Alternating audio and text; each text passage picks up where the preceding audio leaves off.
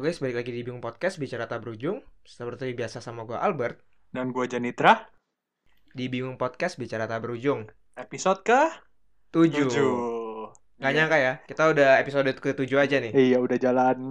Berarti satu bulan, hampir setengah ya? Satu setengah bulan ya? Hampir satu setengah bulan Dan eh, minggu lalu kita nggak ada episode baru Karena kita sebenarnya lagi persiapan buat Masuk visual. Iya, kita mencoba buat Melakukan percobaan buat Gimana sih kita podcast secara visual tuh gimana Iya. Jadi masih ada trial and error, jadi mohon bersabar. Iya, ditungguin aja. Nanti begitu waktunya sudah tepat pasti bakal bisa langsung dilihat gimana sih para pembicara bingung podcast tuh kayak gimana. Kita jadi YouTuber. Nah. Selain itu juga ada selain itu seminggu kemarin ini juga ada satu kabar yang cukup spesial lagi di Bingung Podcast yaitu ada edisi, ada member tambahan ya? ada member tambahan. Kita ada member terbaru.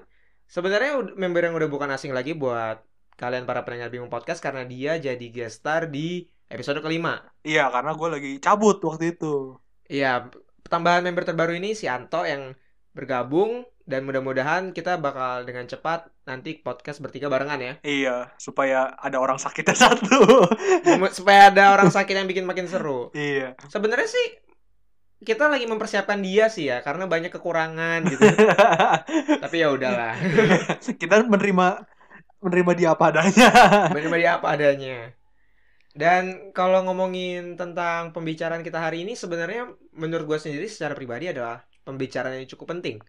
Dan masih deket lah sama kita lah ya. Masih dekat banget, masih relatable. Ah, Dan menurut gue bagi para pendengar juga mungkin ada beberapa di golongan umur kita lah jatuhnya ya. bener banget. Dan topik kita nggak usah basa-basi lagi. Yang hari ini berjudul Hold my toga. Hold My Toga. Artinya kita bakal membicarakan seputar Kuliah. dan kehidupan setelah perkuliahan. Ada beberapa topik yang bakal kita bahas. Jadi yang langsung aja ke topik yang pertama yaitu seputar perkuliahan. Kalau ngomongin soal seputar perkuliahan nih, Tra. Kita semua begitu mau masuk ke dalam universitas punya sebuah pilihan berat, bener nggak? Bener banget. Yang pertama tuh adalah pasti kita mau kuliah di mana dulu. Kuliah ya. di mana? Apakah negeri, apakah swasta? Itu nyarinya aja tuh dari ribet. Dan selain Iya. itu ada faktor lain, yaitu apa jurusannya. Iya, betul banget. Soalnya kalau salah jurusan ntar kerjanya juga bingung, ya kan?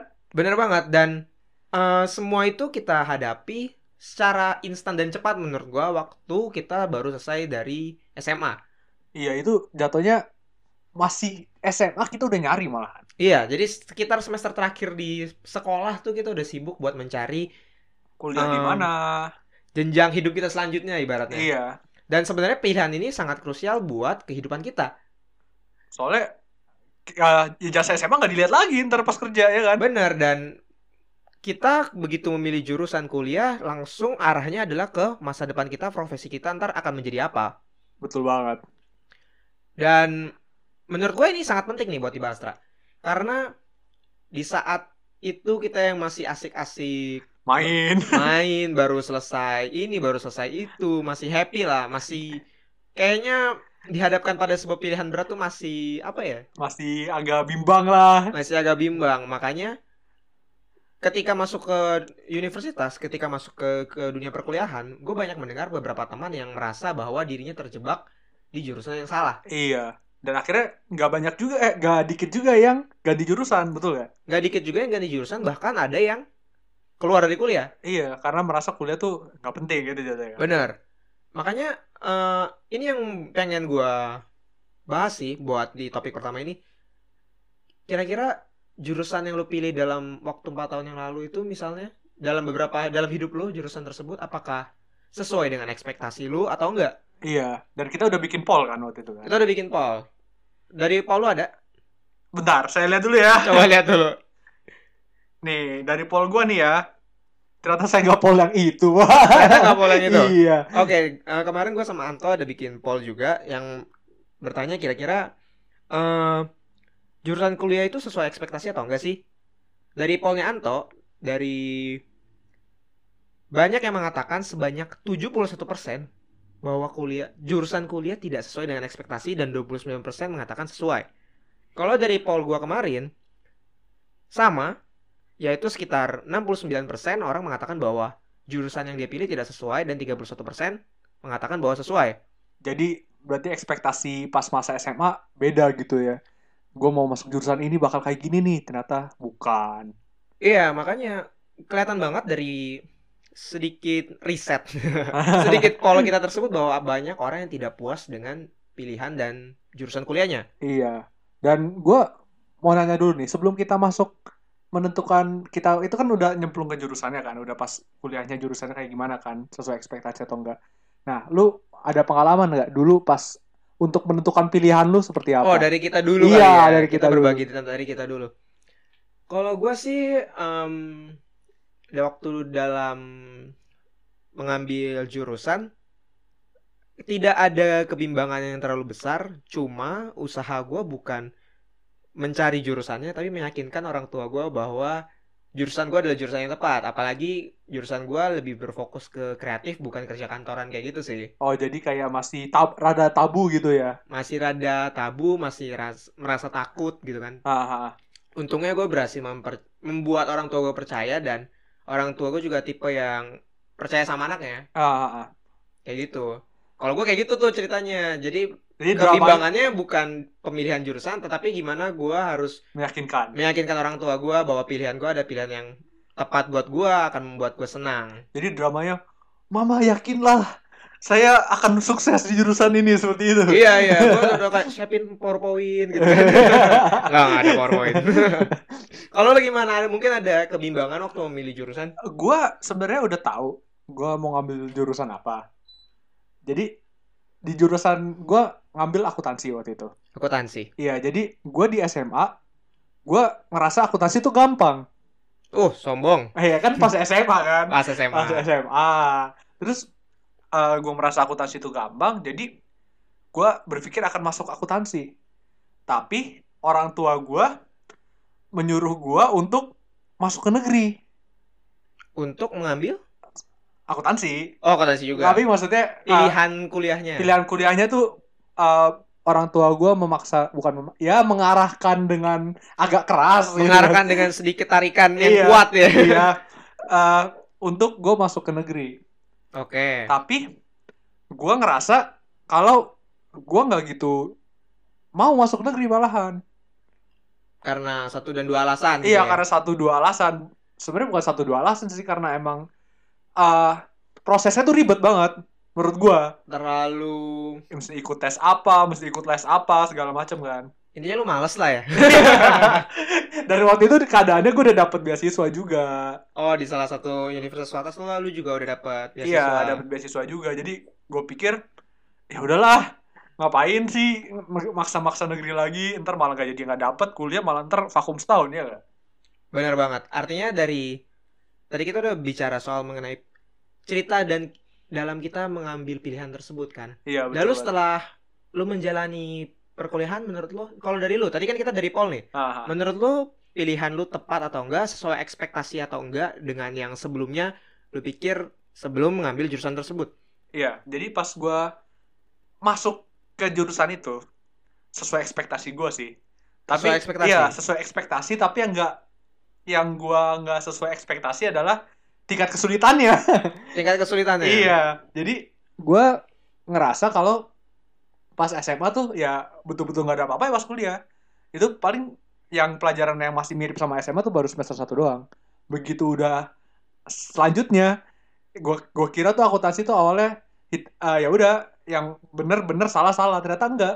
Jadi tergantung pendekatannya, tergantung situasi keadaan ekonomi di dunianya kayak gimana, kayak gitu. Banyak faktornya ya. Iya, Tapi walaupun sedikit berbeda dari ekspektasi lo, itu bukan suatu hal yang negatif dan masih merasa kalau lu masih merasa bahwa akuntansi itu adalah jurusan yang tepat dan membuat lu nyaman dong artinya. ya bisa dibilang seperti itu. Ya kalau kalau gue sendiri em, di kalau dari gue di dunia kreatif itu yang berbeda dengan ekspektasi gue adalah dulu gue berpikir bahwa semuanya itu gampang. Tidak sesulit itu. Ternyata ternyata sulit banget Eh, perlu disiplin waktu disiplin yang lain perlu apa ya jangan bilang kalau pekerjaan dunia kreatif itu terlihat mudah dan santai padahal sebenarnya itu memakan waktu yang menurut gue ya Iya. memakan waktu yang lebih banyak dari orang yang kerja kantor bahkan bisa masuk sampai mimpi kali menurut gue secapek itu gitu Iya, loh. karena iya. lo malam masih aduh mikirin ini gimana ya itu gimana ya ya itu sih mungkin eh, kalau dari gue sih ngerasanya perbedaan ekspektasi gue adalah dulu gue kira itu gampang bukan sesuatu yang sulit tapi ternyata itu menjadi sesuatu yang kompleks dan menantang sih jatuhnya Tapi jatuhnya itu bukan hal yang negatif juga dong buat lo. iya karena karena gue emang dari awal suka dan passion sama hal tersebut Iya, sih jadi kalau misalnya lu passion sama sesuatu, lu nggak nggak terbatas waktu dong kayak gue mesti ngerjain ini mesti cepet-cepet lah gitu kan. Yang penting lu ngerjain sesuai maksimal dengan seluruh kemampuan lu supaya menghasilkan karya yang lu puas dong. Bener banget. Dan tadi kalau kita lihat hasil dari pollnya yang orang-orang yang la- lain rasakan, itu kan artinya terlihat banget tuh. Banyak yang tidak puas dan merasa tidak sesuai dengan ekspektasi mereka. Menurut lu buat orang-orang yang merasa seperti itu, harusnya apa yang mereka lakukan dan gimana sih? Menurut lu deh. Ya, menurut gue sih mereka harus menentuin tujuan mereka dulu sih. Mereka- Tujuan mereka dalam artian sekarang atau sebelumnya harusnya? eh ya kalau misalnya emang bisa sebelumnya, ya sebelumnya. Tapi kalau misalnya emang sudah terlambat, ya secepat mungkin. Secepat mungkin Iya. ya. Jadi kayak lu menentukan tujuan, lu mau apa ke depan, ending goal lu apa, begitu udah ada dapet itu, lu baru bisa menentukan harusnya jurusannya apa. Menurut lu kayak gimana? Kalau gue sih sama ya. Karena begini, nggak bisa dirubah.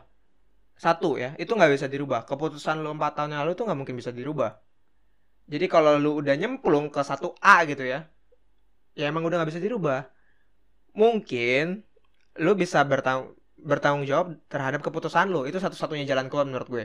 Bertanggung jawab dalam artian e, entah lu either tetap komit ataupun lu keluar nggak masalah dari pilihan lu tersebut tetapi lu punya komitmen lain yang baru Iya. yang kuat Karena lu jangan keluar karena gua nggak suka, gua keluar, tapi nggak ada tujuan lagi, betul kan? bener jangan oke gua nggak nyaman gua keluar tapi sembari lu menjalankan hal tersebut lu cari lagi tentang diri lu sendiri Iya, betul banget. apa yang membuat lu nyaman apa yang membuat lu suka karena sebenarnya dari sebuah kegagalan dari sebuah ketidaknyamanan lu tersebut kan lu juga belajar oke gua tipe orang yang nggak suka dengan hal-hal seperti ini Iya. Gue juga punya pengalaman nih teman gua. Teman gua dia keluar dari kuliah.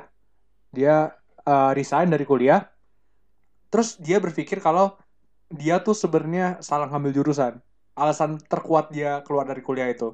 oke Jadi dia waktu itu ngambil jurusan hubungan internasional.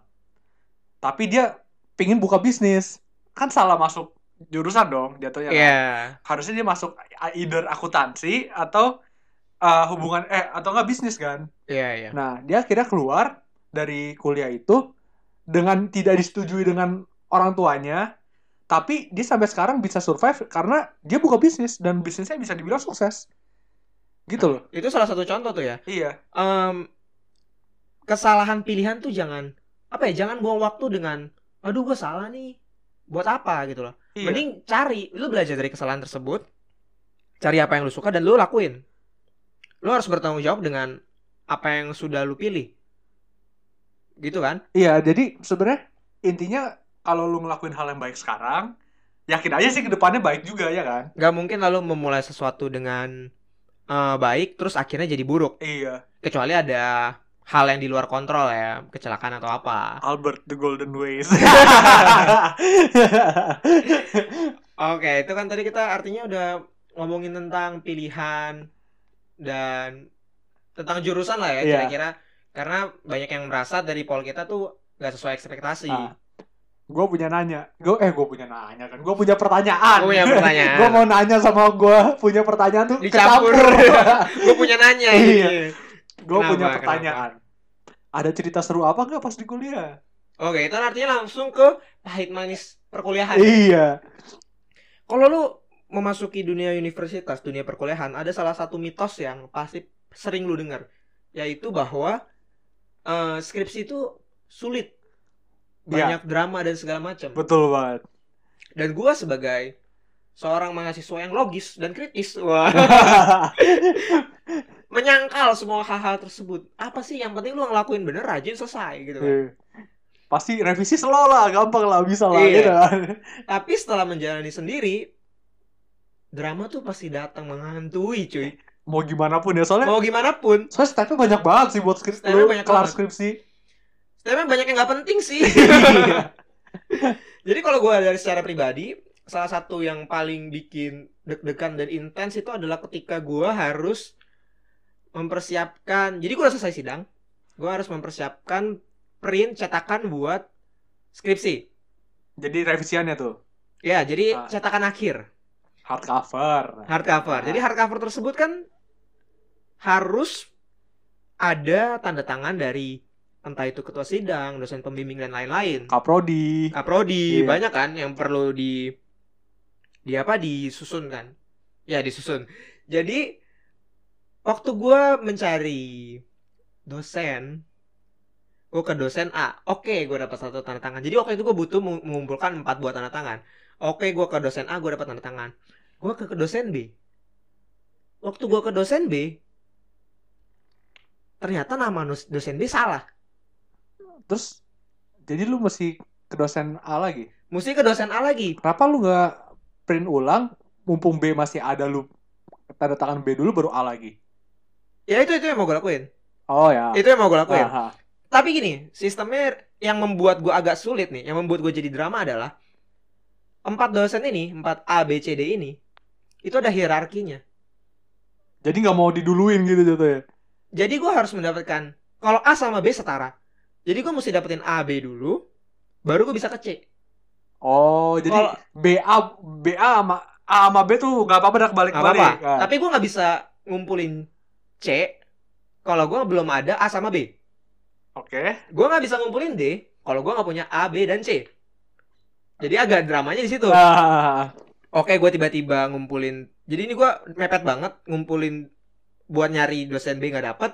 Terus gue mesti cari dosen A lagi. Jadi gue nyari dosen A lagi, dapet. Oh nggak nggak. Jadi gue nyari dosen A lagi.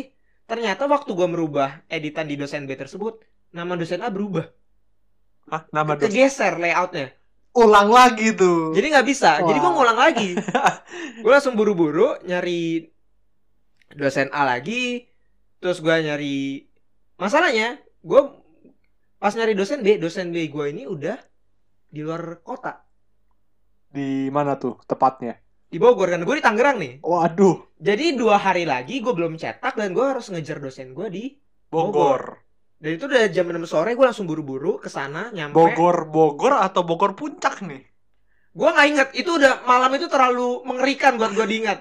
naik manjak gak nggak inget gue gue udah aduh nggak lulus gitu kan jadi gue akhirnya ngejar dosen B ke Bogor tersebut dan gue balik pagi-pagi besoknya gue harus langsung jadi gue artinya hamin satu tuh Iya. harus nyata kan gue Iya. gue langsung nyari dosen C dan dosen D dan itu gue juga dalam kondisi takut karena ada kesalahan lagi nggak di dosen C atau D Tahu. bener dong Takutnya salah lagi. Pokoknya salah lagi untungnya nggak ada kebut- apa-apa Nah, untungnya. untungnya nggak ada Kalau apa-apa nggak dan dramanya makin jadi tersanjung ke berapa belas tuh. makanya iya, Ya gitu sih kalau drama yang gue alami sendiri. Kalau lu gimana? Daripada gua dulu, mendingan itu dulu, Paul dulu. Kalau lu, oh Ah. lu sempet tanya para Tanya. pendengar kira-kira Iya, eh, pengalaman mereka tuh kayak gimana? iya ada cerita apa kan? Ada Ada, cerita apa? satu nih. Dia dia jawabnya dua kali nih. Ada satu anak jawabnya dua kali. Iya. Kenapa? Kenapa? Pertama dia jawabnya kelilit utang. Kelilit utang. Kelilit Jadi utang. manis pahitnya di kuliah salah satunya adalah kelilit utang. Jangan-jangan kelilit utangnya sama tukang warteg nih. Nggak tahu Iya, deh gue. Terus warteg utang loh. aneh ya, aneh ya. Terus artinya dia jawab dua kali. Yang kedua dibilang apa? Bad money management. Bad money management emang berhubungan ya. Iya berhubungan. Tak- Mungkin dia mau jawab bad money management dulu, baru kelilit utang kedua. oh, Mungkin. Mungkin. Tapi ya nggak apa-apa lah. Gak apa-apa. masa kuliah ketahuan ternyata wah money management gue jelek Iya. jadi waktu ntar kehidupan selanjutnya baru bisa Iya. mengontrol dengan lebih baik Jangan pakai kartu kredit berarti entar. nah, terus ada apa lagi ada lagi nih, bilang prodi gua sucks and I want the world to know it. Waduh, Prodinya dendamnya, sucks dendamnya itu tuh, uh, kayaknya sampai sekarang tuh masih kenceng banget ya habis Masih selesai kenceng tuh kayak banget. masih kenceng banget nggak usah lu sebutin nama dan universitasnya ah, prodi apa sih yang sucks dan dia bilang dunia harus tahu kan iya, apa prodi apa ya prodi pariwisata. prodi pariwisata Iya. yang sepertinya fun dan menyenangkan itu. Iya, ternyata nggak juga, Pak. Ada yang mengalaminya dan merasa menderita sampai kayak gitu ya? Iya.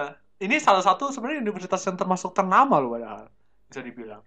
Tapi kembali ke jurusannya ternyata nggak sesuai ekspektasi dan bisa membuat lo menderita seperti itu ya? Iya. Selain itu ada apa lagi? Ada yang malah ngasih wejangan. Wejangan. Iya, dibilang bikin skripsi yang ilmunya nggak diajarin di kelas dan dijadiin bahan untuk tesis S2. Woi. Oh. Tapi orangnya belum S2 nih kayaknya nih. Tapi pikirannya panjang iya, banget ya. iya, Pikirannya mungkin panjang dia banget. kedepannya ada. Tapi ada ada yang ngasih kita semangat katanya, sukses terus katanya. Oh, ada yang kasih kita semangat. Iya. Terima kasih yang udah kasih kita semangat. Nah, Mudah-mudahan Bingung Podcast sukses terus ya. yoi. terus ada yang terakhir biar cepet ah, biar cepet aja nih banyak banget soalnya nih. Oke, oke. bilang dosen datang cuma tiga kali dalam satu semester terus nilainya A. Wih, itu Oke, itu bisa dibilang positif apa negatif itu, Tra? buat dalam segi ilmu ti- negatif sih, Iya, jadi nggak dapet ilmunya kan? tapi dalam segi nilai positif. Dari segi mental dan kebahagiaan gitu ya. mental well-being ya. iya. Ya, kalau buat gua sih kalau Iya buat nih, langsung ke Tantra nih ya. kalau buat gua eh gua kan satu tahun wajib di dorm. Satu tahun wajib di dorm. di dorm di mana tempat itu bercampur dengan banyak orang dong. Satu kayak satu angkatan tuh dorm semua, nggak boleh nggak. Oke. Nah, Eh, Terus- tapi gue kan nggak pernah tinggal di dorm. Di dorm Nah. itu kayak ada peraturannya gitu nggak sih? ada ada ada. Oke, jadi Jadi- udah sharing aja nih. Peraturannya aja ya.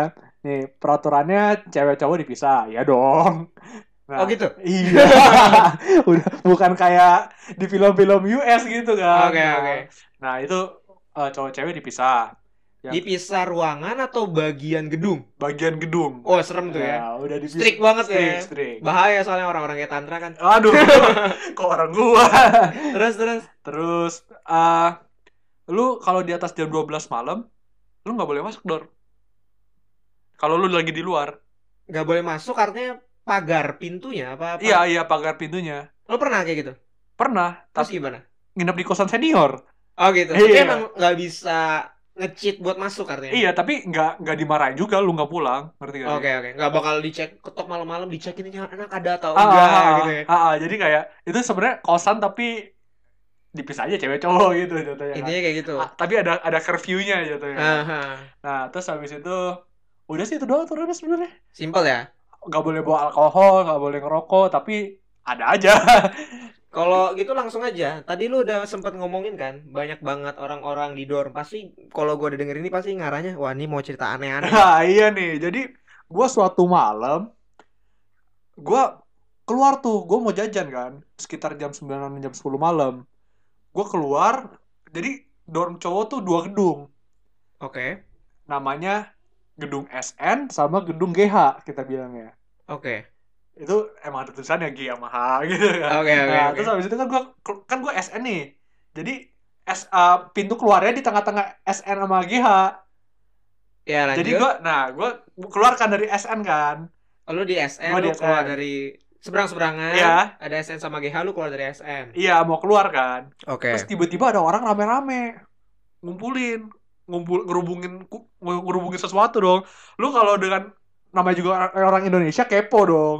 Iya, ini oke, biar lebih detail lagi. Settingnya ini jam berapa nih? Jam 9 malam. Jam 9 malam. Lu keluar nggak tau ngapain ya. Terus ada orang ngumpul rame-rame di tengah gedung artinya. Di tengah maksudnya lapangan tengah gedung gitu. Iya iya jadi kayak dekat depan pintu keluar gitu loh. Oke, dekat depan pintu keluar. Nah, terus habis itu gua keluar tiba-tiba rame-rame kan. Ya gua Terus- penasaran dong. Naluri orang Indonesia lu tuh kepo Oh iya, keluar. ya. iya, gue suka ini apa nih, apa nih, apa nih. gitu. Terus pas gua lihat ada kucing pak, Kok ada kucing aja heboh? ada kucing lagi sekarat pak. Kucing lagi sekarat. Iya, Sekaratnya itu dia kejang-kejang lagi kejang-kejang. kejang-kejang, Iya, berbusa nggak tahu nggak nggak tahu itu itu itu udah kayak blur gitu kan. kejang-kejang di Di lantai, antek so dia sendiri kayak break dance gitu kucingnya. ya kejang-kejang aja di tempat gitu. ya terus kenapa bisa dikerubunin orang-orang nih? Kenapa? Karena kucingnya tuh katanya kejang-kejangnya gara-gara digantung dari atas tiba-tiba jatuh digantung. Tiba-tiba ada yang lihat kayak ada tali gitu jatuh sama kucing gitu. Iya, digantung coy. Sefaktap apa coba? Dan itu akhirnya diselamatin. ya? sa- jadi selamatin terus jadi kerubun ini apaan nih gitu Iya, iya. Jadi diselamatin tapi ya namanya juga lantai, jatuhnya dari lantai tiga digantung kan ya lewat akhirnya nggak nggak tertolong. Tapi kayak wah ini ada cult apa ini di sini kan di dorm ini ya? Iya, ini- dan ini sebenarnya cerita yang udah sedikit pernah gue bahas waktu di episode kelima waktu gue ngobrol sama Anto homo homini lupus. Ah, Dan akhirnya setelah mendengar ulang dari lu kayaknya makin aneh ya. makin aneh ya. Makin aneh ya. Iya itu dia. Itu Wah, salah satu kejadian di dorm tuh. iya kejadian di dorm. Terus abis itu Dan nggak ketemu culpritnya siapa nggak ketemu. nggak ketemu. Tapi ada ah, Suspeknya. desas-desusnya. Ah. Nah, desas-desusnya ada. ada terus abis itu di dorm itu banyak ada kubu yang suka mukulin orang ada lah namanya juga di kampus Iya, kan iya. berantem berantem terus apalagi yang seru ya hmm, main FIFA sih Pastilah. Iya. Cowok-cowok ngumpul gitu ya. Tapi emang artinya kan kalau dibalik. Jadi kita awal kan punya kesulitan bahwa kira-kira mau jurusan apa sih? Terus kita masuk lu bakal ngerasain bahwa apakah pilihan kita itu tepat dan cocok atau kita atau enggak. Itu lu bakal ngerasain kan. Tapi dibalik semua drama kesedihan tersebut sebenarnya banyak momen fun di Iya. dalam kuliah kan. iya betul banget dan sebenarnya lu pas kuliah tuh merasakan sedikit taste of freedom dilepas dari ama- dari orang tua sih Sedi- sedikit soalnya kayak orang tua orang tua kita tuh udah nganggep kita tuh udah dewasa kita udah bisa menentukan pilihan jadi kita agak dilepas tapi ya sekalinya lu melakukan kesalahan ya lu langsung dikontrol lagi sama orang tua lu Dan yang kayak lu bilang tadi kalau lu di dorm gitu kan. Ya universitas emang kayak gitu. Lu dikumpulin sama banyak banget kepala dan banyak banget orang ya gak sih? betul banget Jadinya lu bisa ketemu orang yang aneh, bisa ketemu orang yang gila pinter banget, ada Gila yang psycho, ada yang psycho. psycho, ada yang gantung kucing, men. Oh, gue gua gua mau ngasih tahu lagi nih. Gue eh di dorm itu ada apa tau nggak? Apa nih? Jadi kan gue di lantai 4. Jadi di lantai 4 tuh banyak banget foreigner dari China. Oke, Jadi gue di dorm itu China asli dari China nih. ya. iya Dari negara RRC ya. iya jadi kan terkenal jorok ya kan. Oh, Wah, itu emang terkenal joroknya tuh mitos atau fakta nih? gue sepengalaman gue ya fakta sefakta faktanya pak. fakta sefakta Iya. faktanya Jadi gua tuh kalau mandi nggak pernah di lantai gua. Karena lantai gua tuh udah hancur banget kamar mandinya. Jadi banyak pemandangan coklat dan kuning dah. di mana tuh di Nah, nih nih. deket toilet apa gimana Nih, kamar mandi gua tuh kayak barak. ya Kanan kamar mandi, kiri toilet, hadap-hadapan. Toiletnya tuh udah aduh. Ada yang coklat gak disiram. Terus dia sambil sambil nomor dua, nomor satu ke pintu. Ada itu. apa gimana gimana gimana Ah, Iya. nomor dua terus sambil nomor dua dia nomor satu tapi arahinnya ke pintu oke oke terus terus ada tuh kejadian nih ini paling parah gue pagi-pagi gue mau kelas pagi nih Weh, gue kelas pagi 7.30 gue udah bangun jam 6 gue pikir gue bakal sarapan mandi ya dong ya masih awal-awal kuliah tuh semangat kan gue ma gue makan gue naik ke atas gue mau mandi tuh gue masih belum tahu kan kan gue ke kamar mandi mau mandi kan kok ada yang seharusnya di toilet di kamar mandi oke Iya, masa lu ngerti kan maksud gue? ada yang seharusnya di toilet, aktivitas yang dilakukan di toilet tapi di kamar mandi iya, di shower gitu di shower, di lantai. Ya, eh, mungkin kalian semua bisa mem- membayangkannya gitu kan. ini emang gue nggak dari tadi nggak ngomong ngomong nggak ngomong apa apa tapi dari tadi gue tercengang sih kalau yang nggak tahu ya Gua Iya, masih dalam kondisi shock gitu makanya itu kayak, wah, itu parah banget sih. ya ya emang itu kembali lagi bahwa kehidupan perkuliahan itu lu bakal nemuin banyak yang aneh-aneh karena segala kepala muncul dari segala daerah mungkin aja lu temui di kuliahan lu tersebut dan sebenarnya s- kehidupan perkuliahan di universitas adalah salah satu waktu buat lu beradaptasi membangun karakter lu menjadi seorang yang lebih dewasa Iya, tapi seru, tapi seru. tapi seru jadi di balik pahit-pahitnya banyak juga manis-manisnya dan mau bagaimanapun itu menjadi pembelajaran yang bisa membangun karakter lo ya kan Betul banget. artinya kalau kita ngomongin perkuliahan tadi kita udah ngomongin bagaimana pilihan bagaimana setelah pilihan bagaimana pahitnya bagaimana manisnya pertanyaannya adalah setelah kita mendapat gelar apa berikutnya Nah, itu dia kita bahas di sesi kedua. di sesi kedua jadi gua bahkan ta- sama Tantra akan break sejenak lalu kita bakal balik lagi mempertanyakan apa sih kehidupan setelah kuliah tuh gimana sih Dan apa yang harus dilakukan gitu kan? apa yang harus dilakukan Iya. Oke, gua dan Tantra break sebentar dulu. Balik lagi sesaat lagi. Dadah. Ada. Halo guys, balik lagi di Bingung Podcast Bicara Tak Berujung. Tadi gua dan Tantra udah break sejenak dan kita tadi udah bahas tentang kehidupan perkuliahan ya, Tra ya. Betul banget. Sekarang ngomongin apa nih? Setelah kuliah, mau ngapain sih? Nah, itu dia. Pertanyaan besarnya. ya. Eh. Habis dapet toga mau ngapain? Soalnya kan uang kita di bank juga gak ada komanya. Iya. Artinya em, sebenarnya dalam perkuliahan itu yang kita kejar adalah gelar sarjana kan? iya. salah satu yang paling kita kejar dan itu jadi bekal kita buat nanti mencari pekerjaan Betul banget. Jadi gua udah bikin poll. Nah, kita- yang Iya. kita kali udah ini- bikin poll nih kali Iya. ini tantra ada nih pollnya nih Akhirnya ada nih. Eh, jadi dari sekitar 88, bukan Jadi- sekitar, poll eh, mengenai seberapa pentingnya gelar. gelar Iya. karena itu yang menjadi bekal kita kan Iya. jadi kita lihat nih bagi teman-teman kita yang lagi ngejalanin perkuliahan atau sudah selesai mungkin itu seberapa penting sih dampaknya buat mereka Iya, dari jadi poll yang lu dapat gimana nih dari poll yang gue dapat, gelar tuh pada setuju penting. 68% bilang penting. 32-nya bilang nggak penting. Gitu. Artinya kalau dari poll yang lu dapat 68% masih merasa bahwa kuliah itu menjadi sesuatu yang penting. Iya. Gelar, gelar. Kita Oh iya, gelar. Nah, terus habis itu eh gue dapat ujangan-ujangan. Jadi mereka ya apa namanya? Pencet pollnya tapi langsung DM gue. Oke. Langsung bilang, Banyak respon nih ya. banyak respon. Ada yang bilang sebenarnya tergantung tujuan hidup lu gimana. Oke. Jadi- nanti kita bahasnya nanti Iya, dulu nih. iya. Kita dengerin poll yang lain dulu. Jadi gua sama Anto juga ada ada poll kita sendiri. Kalau dari Anto 55% mengatakan bahwa sarjana itu penting dan 45% biasa aja.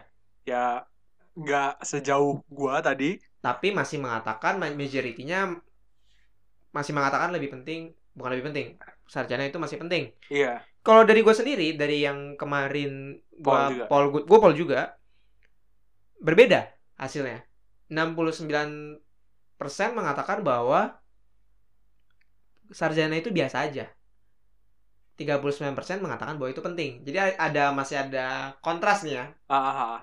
Atau mungkin karena jurusan lu, Bet. Lu kan jurusan kreatif mungkin merasanya waduh gelar nggak terlalu penting, yang penting tuh gue punya portofolio segala macam. Eh, kalau yang gue lihat dari para respondernya, Hah? nggak semuanya dari jurusan gue sih. Bukan dari kreatif doang, masih banyak yang lain. Kayak ada yang ambil misalnya. Oh, jadi betul-betul random ya itu jatuhnya. Bener-bener random. Nggak, kalau lu mengarahkan yang sana kayaknya nggak. Karena yang yang voting tuh juga ada yang psikologi, ada yang manajemen, kayak gitu-gitu ada. Oh, oke oke. Tadi yang lu sempat udah mau, mau cerita, mau sharing tentang apa tujuan hidup lu dulu ya? Iya, jadi ada yang bilang yang penting tuh tujuan hidup lu apa? Lu tahu, lu baru bisa nentuin dong gelar penting atau enggak. Ya betul juga sih. Kalau emang Masuk lu- akal. dari awal lu mau bisnis dan lu merasa gelar tuh nggak perlu ya betul nggak penting gelar kan. Tapi kan sebenarnya kalau kita pikir-pikir nih kuliah tuh gelar dari kuliah tuh kita tuh jatuhnya jadi standarisasi kalau nih orang tuh punya kompetensi ya nggak? Benar. Jadi dari sekilas saja, oh dia punya sarjana, punya gelar. Oke, ini kayaknya keren nih. Kayaknya bisa nih punya skill-skill tertentu. Iya, jadi kayak itu tuh sebenarnya jadi standarisasi aja. Tapi kalau misalnya orangnya itu punya portofolio bagus, punya CV-nya tuh punya pengalaman banyak, itu tuh juga bisa jatuhnya ja- gantiin orang kuliah loh. Ya nggak? Kalau di luar orang yang kuliah tapi punya kayak pengalaman dan punya karya-karya yang oke, pernah misalnya freelance di mana, internship di mana, itu Iya. bisa lebih terlihat lebih unggul Iya, sebetulnya. iya. Dan uh, dan juga yang terpenting lagi pas kuliah tuh jangan jangan ansos sih sebenarnya.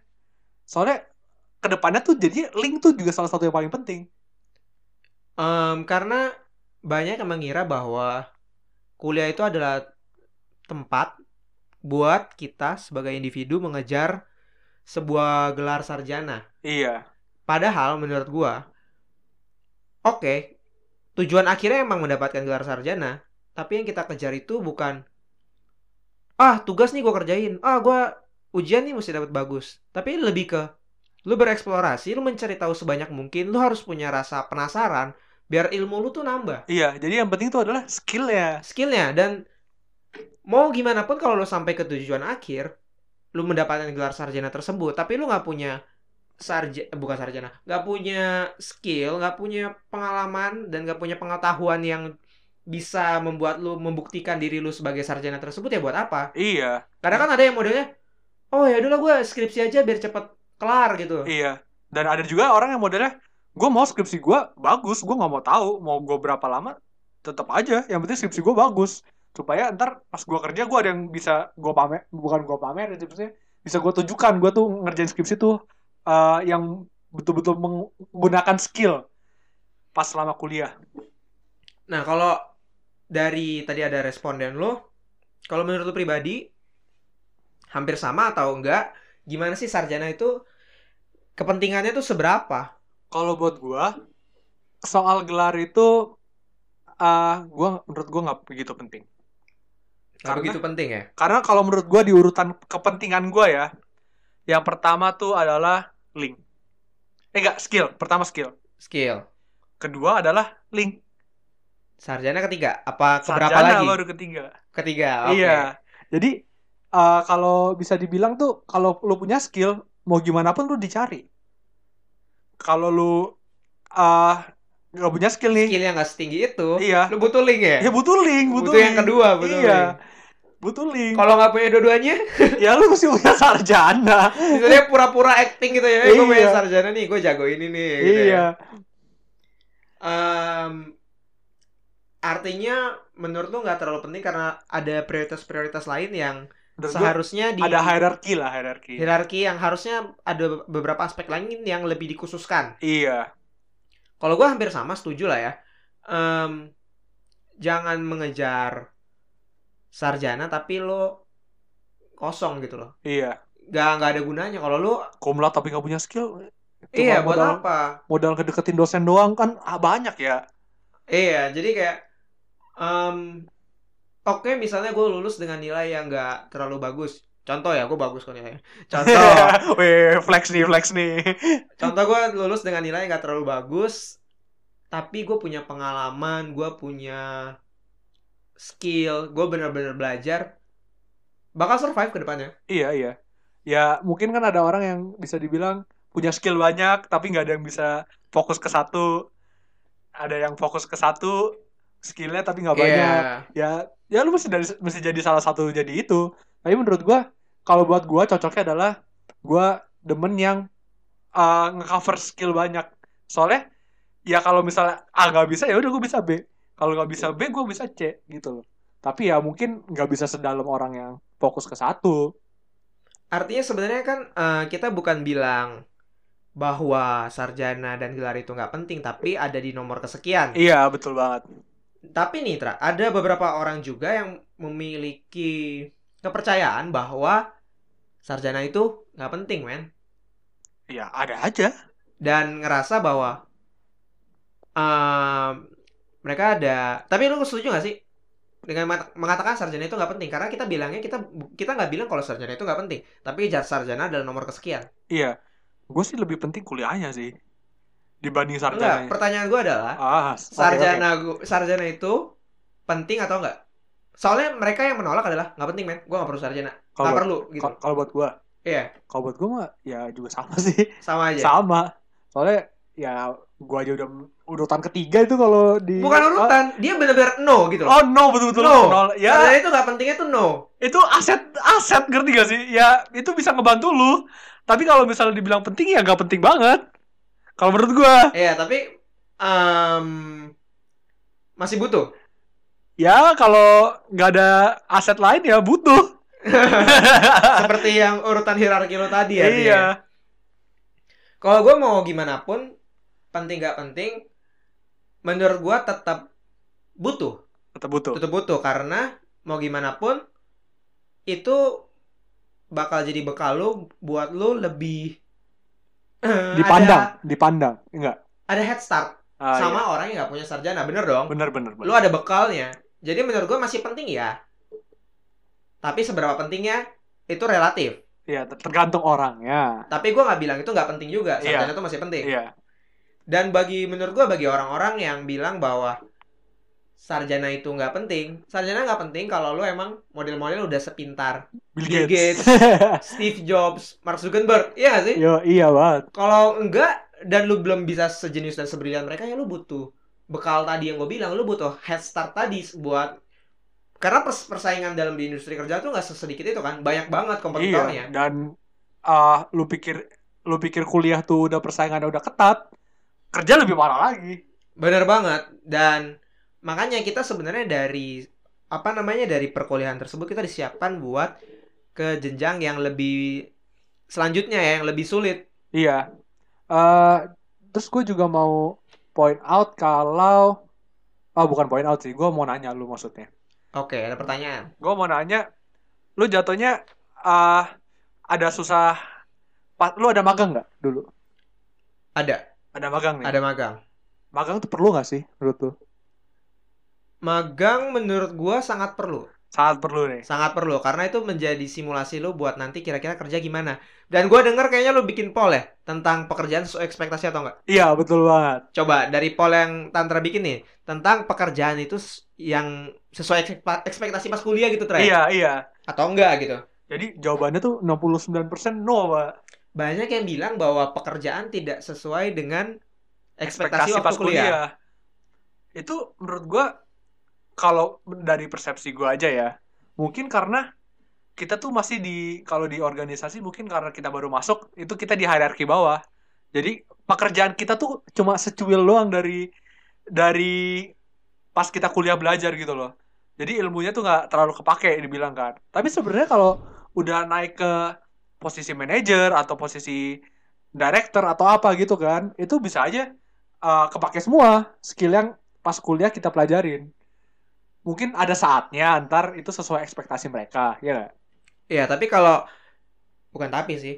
Kalau melihat poll tersebut kan perspektifnya bisa macam-macam kan. Iya, itu dia. kalau gue melihat poll tersebut, kalau lu kan bilang bahwa mungkin teorinya tidak sama atau apa Iya. gitu Ah. kan. Aha. Kalau gue berpikirnya tadi ketika gue mendengar poll tersebut adalah mereka merasa benar-benar berbeda dalam artian kayak kerjanya gue kira kayak gini, tapi ternyata nggak kayak gini men. Kebayang nggak? Misalnya lo eh, oh kerja kerja gue santai duduk misalnya ngetik-ngetik-ngetik tiap hari, tapi ternyata oke gue mesti berhubungan sama ini, ini, ini dan segala macem. Oh, malah jadi banyak berkomunikasi dengan orang lain tiba-tiba. Salah satu gitu-gitu. contoh gitu, Aha. yang gua perspektif yang gua ambil dari melihat poll tersebut ya. atau mungkin eh dia misalnya kerja eh, kuliahnya akuntansi, kerjanya jadi makeup artist. Bisa Nah, aja Iya dong. itu yang mesti digebuk tuh. banyak lo, banyak lo. Em, apa ya? Jadi kemarin Anto juga udah sempat ngomongin masalah ini ya Kak sama kita. Jadi gua coba Apa Recall, ya? recall. recall lagi tentang pembahasan dari Anto nih member ketiga kita yang agak sakit dia bilang bahwa Dia nitip salam nih ceritanya gitu Iya, kan. dia, dia mengatakan bahwa apakah kalau seperti itu salah sistem pendidikannya.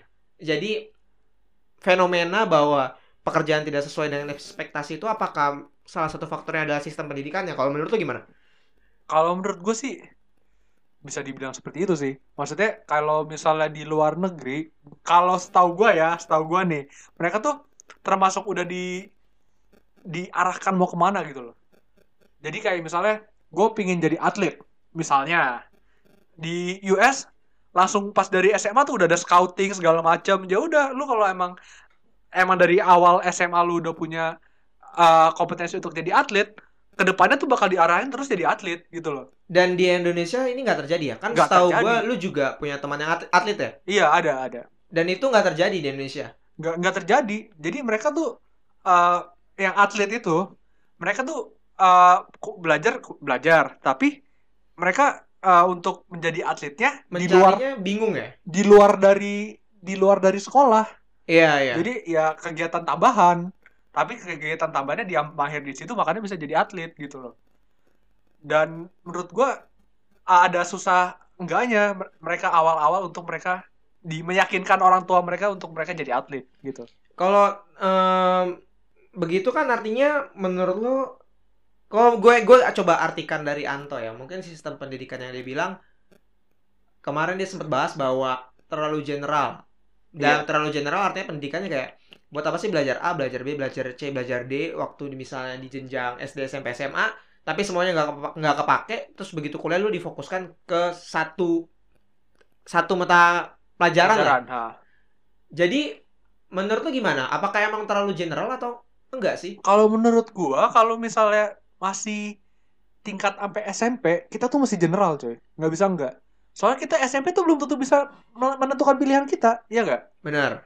karena kita masih kecil otak kita belum seberkembang itu Dan lo bisa namanya anak kecil kan masih labil ya. Ah, oh, hari ini gue mau ini, belum tentu besok lo mau itu ya. nggak sih? iya betul banget dan ak- ah, menurut gua ya paling betul tuh dimulainya dari SMA Dimulai dari SMA. untuk mereka dibentuk diarahkan ke yang mereka mau Dan kita waktu di jenjang tersebut kan tidak merasakan hal itu kan. iya Jadi em, tadi kan lu sempat bahas magang. Apakah Kayaknya setiap kuliah itu harusnya ada magang gak sih? sekarang sih kayaknya udah udah, udah Tahu mulai kita sih semua ada ya. Ah, ah, ah. artinya kan itu kan sebenarnya menjadi salah satu apa namanya ya salah satu apa sih Apa? Eh, Ayo, apa? salah satu cara buat kita mulai belajar di industri dan tahu pekerjaannya gimana Iya, iya. Eh, menurut lo kalau kayak gitu apakah internship dan magang itu cukup atau enggak sih Kalau waktu tergantung lu mengambil ilmu seberapa banyak pas lagi internship sih, cukup atau enggaknya. Jadi kan jatuh kadang-kadang tuh orang ada bisa nyerap ilmunya dengan cepat nih dalam Karena- waktu tiga bulan. Iya tiga bulan kan Ah. biasa ya cukup nggak Kalau tiga bulan sih kurang sih. kurang ya menurut lo Enam harus bulan. lebih Enam enam bulan. bulan Iya. Lalu gua magang enam bulan. Tapi gua nggak dapat apa-apa. nah, lu ada pengalaman nggak gimana dulu awalnya nyari magang nah tuh gue masih susah? masih tertarik buat ngomongin sistem pendidikan nih Oh, masih ngomongin sistem pendidikan nih. Oke. artinya kalau menurut lo ya, ada yang harus dirubah itu apa yang dirubah eh kita harus mulai apa ya? bukan kita sistem pendidikan Iya, itu sistem- harus apa Iya, maksudnya mungkin ntar pas kita jadi orang tua juga mesti membuka pikiran kita gitu kan. Jatuhnya eh, orang tua mesti membuka pikirannya mereka kalau a- anak tuh bisa bisa punya pilihan yang enggak cuma itu-itu aja. Kayak misalnya dokter tuh baik atau apa gitu kan jatuhnya.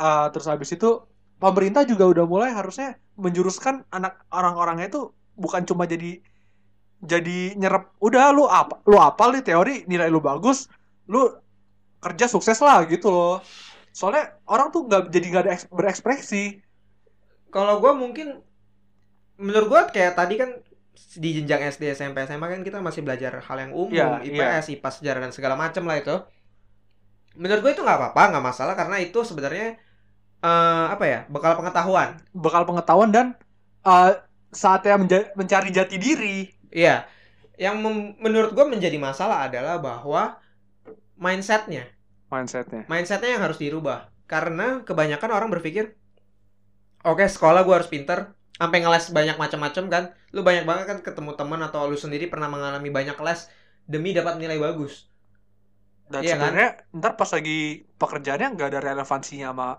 pekerjaan kita bisa iya jadi mindsetnya menurut gue mesti dirubah jangan mengejar nilai di rapot jangan mengejar sebuah angka di atas kertas tapi lebih ngejar ilmu diimbangi juga sama em, kegiatan-kegiatan lain seperti lu punya hobi apa, passion lu apa, karena itu biasa dilupakan dalam jenjang-jenjang awal. Jadinya tuh malah memikirkan, oke gue mesti dapat nilai bagus terus, tapi sebenarnya nih anak pengen apa sih? iya Keinginannya apa sih? Passionnya apa sih? Dia gemar sama apa sih? Karena itu juga penting.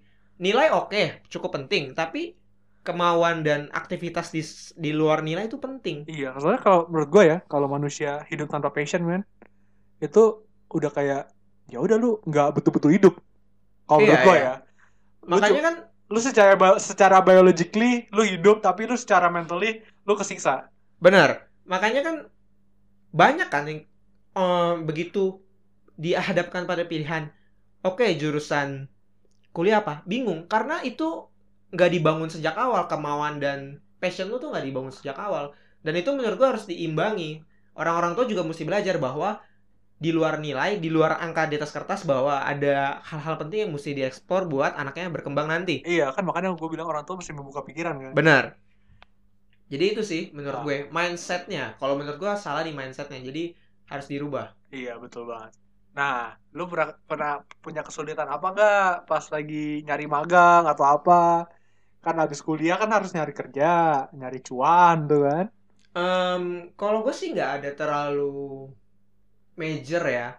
Mungkin kalau ya ma- ada hubungan sama tidak sesuai dengan ekspektasi sih. Jadi kayak mungkin gue tidak memaksimalkan. Gue merasa gue masih belum maksimal gitu loh waktu ngerjain magang itu aja sih. Nggak ada yang major lah. Tapi pas ng- ngelamar berarti gampang tuh jatuhnya. Mm, gue nggak merasa kesulitan yang begitu besar sih. Kalau lu ada cerita? Wah, kalau gue sih pas ngelamar magang susah, sumpah. Jadi ceritanya gini nih. Gue ngedaftar ke 5 perusahaan. Eh, 6 6. 6 perusahaan. Terus habis itu eh, perusahaan ada gue diterima di satu perusahaan doang. Yang perusahaan itu nggak gaji orang magang. Kan lumayan kan berat kan. Iya. Lu mesti transport tiap hari. Investasinya besar tuh waktu, Iya, duit. walaupun walaupun termasuk ternama gu- tempat magang gua. Terus gua mikir kan, aduh, gua nggak dapet lagi yang lima lima lima itu nggak dapet. Akhirnya ya udah dong mau nggak mau gua terima dong. Iya. Daripada gua nggak lulus, udah gua terima. Terus tahu taunya lima limanya nelpon, Oke. lima limanya nelpon. Abis gua terima, Jadinya dilemanya dari yang tadi nggak dapet jadi dapet semua. dan harus pilih yang mana. Bukan harus pilih kemana, gua sudah terjebak masuk ke yang Oh, nggak gaji. lu udah terjebak. Iya. Jadi udah di poin lu nggak bisa balik badan lagi ya. Iya, maksudnya kayak kalau gua tolak juga nggak enak. Eh, maksudnya kalau gua kalau gua Tiba-tiba cabut Iya. gitu nggak enak. Ya itu sih salah satu yang penting mesti diperhatiin pas kuliah karena magang itu salah satu aktivitas paling penting, krusial dan lu harus pikirin dengan baik. Iya, Apa ya ibaratnya itu kayak langkah pertama lu masuk ke dunia kerja ya nggak sih? iya betul banget. Nah, lu mungkin ada eh, lu setelah kuliah nih, lu kan udah udah lulus, udah wisuda nih. Lu ada rencana buat kayak gimana nih ke depan nih? mungkin gue nggak bakal ngomongin itu tapi gue bakal bahas sesuatu yang agak menarik dan bisa jadi paradoks Tra. Apa tuh? Apa tuh? ketika lo lamar kerja nih ya misalnya orang mau lamar kerja salah satu yang paling dilihat di CV lo adalah pengalaman kerja lo Iya. betul kan Betul, betul, betul. pengalaman lo pernah ada pengalaman apa sih kenapa lo jadi valuable sedangkan buat beberapa fresh graduate mereka masih baru banget dan masuk buat cari pengalaman tapi nggak punya pengalaman buat masuk jadi susah masuk Jadi jadi muter kan Iya. Eh, yang penyedia tempat kerja butuh orang yang berpengalaman sedangkan kita fresh graduate pengen cari pengalaman justru Iya, betul banget. dan itu banyak terjadi kan jadi masalah ya Iya. bikin banyak fresh graduate terkadang frustasi dan jadi pusing sendiri Itu dia. Link. butuh link ya butuh link tapi kalau misalnya eh, lu gak ada link cara memasarkan diri lu harus diganti harus di apa ya cari cara celahnya Lain ya. ha-ha. jadi gua mau bagi pengalaman aja nih gua kan kerjanya sebagai akuntan freelance jatuhnya kan ya jadi gimana gua bisa jadi akuntan freelance awalnya gue memberikan jasa gue secara gratis oh ini artinya cara lu ngecheat buat eh, ngelewatin paradoks itu ngelewatin paradoks tersebut Iya. emang paradoks itu nggak bakal bisa dihancurkan tapi bisa mencari celah lain ya iya jadi untuk lepas dari paradoks tersebut Betul banget. Jadi gua awalnya hanya ingin membantu teman saya. Jadi gue gua membantu nih, membantu, membantu, membantu, membantu. Gue bikin sistem keuangannya, semuanya. secara free ini lu bantu iya, bantu secara ya free. Terus akhirnya lama-lama mereka malah tergantung sama gua ketergantungan. Begitu ketergantungan, mereka bayar jadinya. lu jadi agak manipulatif jadinya ya. nggak manipulatif juga tapi eh, apa namanya ya memasarkan dengan teknik yang lain Teknik yang manipulatif. nggak dong kan mereka juga udah dapat benefitnya gratis awalnya ya itu sih emang lo mesti pinter-pinteran ya. iya tapi pernah ada kejadian juga orangnya walaupun udah ketergantungan nggak bayar saya Nah, tuh gimana tuh?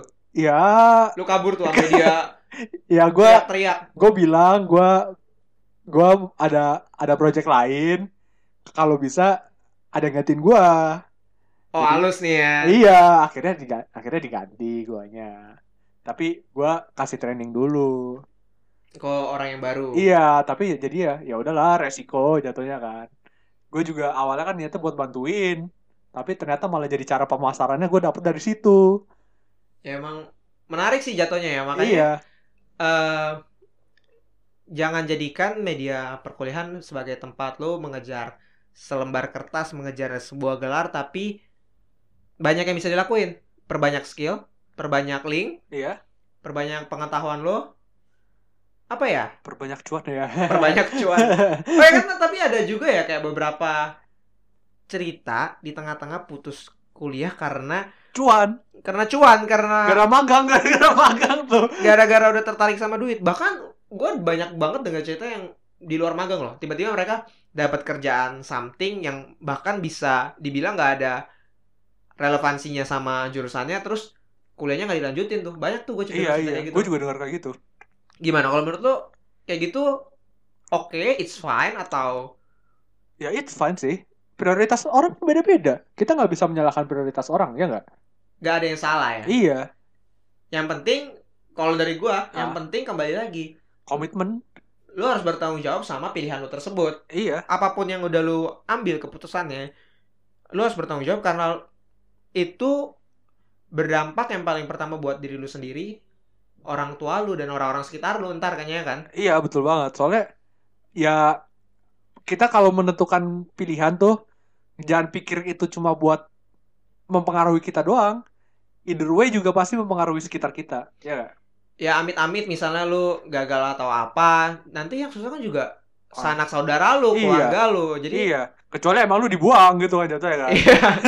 jahat aja nih jahat aja nih ya emang lu mesti lebih bertanggung jawab. iya Terus eh, menurut lu buat orang yang baru selesai dari kuliah gitu, apakah harus mengambil waktu sejenak untuk bernafas dulu? Karena gue dengar juga ada beberapa cerita yang mengatakan bahwa habis eh, masuk kerja tuh nggak bisa ngapa-ngapain. Jadi menurut lu itu butuh istirahat sejenak atau gimana? Kalau buat gua sih, gua ini dari pengalaman gua aja ya. Eh gua jatuhnya pe- nyari pekerjaan yang gua mes- ada waktu jadinya. Jadi gua pilih-pilih jatuhnya kan gara-gara kar- gua sebenarnya dengan pengalaman gua yang udah freelance ini, gua masuk ke eh, akut akuntan firm eh, accounting firm tuh jatuhnya gua bisa bisa aja. Tapi permasalahan adalah kalau gua masuk accounting firm, gua ngejual jiwa gua ke ke mereka. Jual jiwa ya. Iya, jadi kayak gue masuk ke sana tuh masih masukin soul gua ke soul box, Pak. Karena begitu lu udah masuk ke industri, lo udah terikat beberapa hal yang lain dan lu terkunci sebenarnya. ya? Iya, Makanya balik lagi lo mesti pilih pekerjaan yang lo suka, lo passion. Jadi begitu lo terkunci lo tidak menderita tapi lo happy ngerjainnya. iya betul banget. Soalnya kalau kita udah passion mah lu kerja seberapa seberapa lama juga pasti Seberapa berat pun iya, gitu ya. nggak- nggak capek rasanya gitu kan. Ya capek tapi mentally nggak capek gitu kan. Terus gue ada satu lagi sih yang agak apa ya? Agak lucu sih menurut gua. Gimana? Jangan habis kuliah cepet-cepet nikah lah. Wah, aduh. Oh, oh my god. Sumpah, sumpah betul banget, betul banget. Kalau gua dari pandangan gua ya, sesimpel ini aja. Entah ini buat cowok atau buat cewek yang dengerin. Lu udah sekolah 6 tahun SD. 3 tahun SMP. 3 tahun SMA. Kuliah 4 tahun. Totalnya tuh artinya ada 16 tahun ya. Iya, iya, segituan. Lu banget. membuang diri lu sebanyak 16 tahun capek-capek lu baru selesai terus lu langsung terkekang. mau menjual diri lu ke orang lain Iya. ibaratnya menjual ya Iya. mau lu mau terjebak langsung sama orang lain nafas dulu nikmati hidup lu Tapi Umur kan pilihan orang lain dia berarti. ya gue nggak me- Iya. ngejudge sih tapi Iya. menurut gue ya nggak ngejudge kalau lu emang nikah Nah, ya udah pertanyaan gua eh, temen lu udah ada nikah? Ada kok. Diundang gak lu? Jangan gitu dong. Enggak nih, gue mau cerita aja nih. Oke, oke. cerita cerita cerita sedikit. Temen gue udah sekitar lima orangan yang nikah. Lima orang yang nikah. Ini fresh baru selesai kuliah Iya. nikah gitu. Tapi gue, iya, tapi gue ada yang bahkan baru akhir semester udah nikah. Oh gila ya. iya iya nah gue tapi gue nggak pernah datang ke nikahan mereka Kenapa? Kenapa Takut tuh, apa nih? gue gak diundang Gak diundang. Oh jadi ini sebenarnya Tantra secara harus bilang sialan lu yang gak ngundang gua gitu ya. iya jadi siapa tahu pada denger podcast saya Begitu mau nikah langsung undang gitu ya. Iya. Jangan dilewatkan dari daftar ini dong Iya. guys ya. mungkin dm aja undangannya juga nggak apa-apa ya udah kalau kalau nggak bisa DM undangan chat deh ya udah deh. Iya. Ntar gua kasih screenshotnya deh pas mau masuk. aduh Ya paling gitu sih. Buat pertanyaan utamanya kuliah habis itu apa? Jawabannya cuma bisa ditentuin sama masing-masing individu sendiri. Iya, Bener soalnya kan? case nya beda-beda tiap Biasanya orang beda-beda. Kalau gua bilang A, belum tentu Tantra bilang A, dan Tantra mungkin punya pendapat B, dan lu mungkin aja punya pendapat C. iya betul banget dan kalau emang lo udah lagi nyari kerja terus belum dapat intinya adalah lu terus berusaha pasti ada yang dapat Jangan apa ya? Yang tadi kita udah sempat bilang, kalau lu memulai sesuatu dengan baik, nggak mungkin akhirnya buruk. iya betul banget Kecuali ya ada kecelakaan dan hal tidak bisa dikontrol. iya Jangan sampai banyak banget kan kasus-kasus eh, ada yang bunuh diri lah, ada yang frustasi, ada yang depresi. sabar aja keep going aja lu Iya. mesti keep survive ntar suatu saat lu bakal sampai di titik lu oke ini titik cerahnya gua berada di dalam zona nyaman semua lancar Ya jatuhnya kan itu pada lu lagi rendah-rendahnya, terus begitu lu udah mulai naik tuh pasti kerasa tuh. nggak usah stres karena kalau lu udah sampai rock bottom arahnya cuma satu ke Atas. atas, Iya kan Albert Golden Ways. Wuh. Golden ways. jangan golden ways golden ways udah kena kasus Iya. jangan golden ways Maaf, maaf. Ya udah silver dah. silver Pasti ways Ya bagus. Silver udah. lining. Ah, ya udah artinya kan kita mungkin episode kali ini cukup sampai situ aja Tra ya Iya betul banget. Kita tadi di sesi pertama kita udah ngomongin tentang seputar perkuliahan, taruh terus kita kedua mulai membahas setelah perkuliahan. Topiknya jadi apa ya menarik terus kayak rasanya deket banget gak sih? Iya, soalnya kan relatable lah. Relatable. Tadi kita juga udah kasih sedikit closing statements, kesimpulan dan saran kita buat kalian yang udah dengerin. Ya mungkin itu aja dari kita hari ini ya. Iya. ha. Dan tolong di follow Iya. Tolong di follow. IG IG. Ini bagian kita menjual diri nih ya. Iya. Tolong kita sekarang udah ada Instagramnya. Apa tuh Instagramnya? Bingung dot podcast. itu bisa di follow di sana lo bisa dapetin segala update dari kita kira-kira episode baru misalnya ngedrop terus kita ada poll dan lu kalau lu mau interaksi sama kita ya bisa, Bisa DM aja. DM atau nggak lu bisa komen di poll tersebut Iya. dan Tapi lu, sekarang udah ada fotonya lo udah ada foto kita kan? iya udah ada penampakan member-member Bingung Iya, tapi- Podcast. tapi di komen saya dicerca lah. Dicerca, ya? terus em, yang visit udah banyak tapi tolong dong di follow Iya. gitu ya yang visit 350. misalnya gitu ya tapi yang tapi follow yang follow empat- masih gitu doang ya. Iya. ya udah mungkin eh, follow eh, media sosial kita bingung Bingung podcast, Podcast. di Instagram Terus bisa denger kita di Spotify di tiap hari Spotify. Senin. dan sebenarnya kita banyak platform lain ya cuma Iya, ya udah iya. dengerin di Spotify Iya. Eh, ex- expect something yang besar buat episode-episode berikutnya karena kita mungkin bakal mencoba ke arah visual mungkin mulai mencari guest star biar nggak bosen lah ya Iya. biar topik pembahas kita makin luas Mungkin eh kita ntar bakal ngasih teaser-teaser dikit mungkin. teaser teaser dikit Iya. Oh, makanya balik lagi follow tuh Follow, di Bingung follow, podcast follow. iya kan Iya. Ya udah artinya gua Albert pamit diri. Dan gua Janitra pamit diri Sampai ketemu di episode berikutnya. di Bingung Bingung. Podcast Bicara Tak Berujung. Dadah.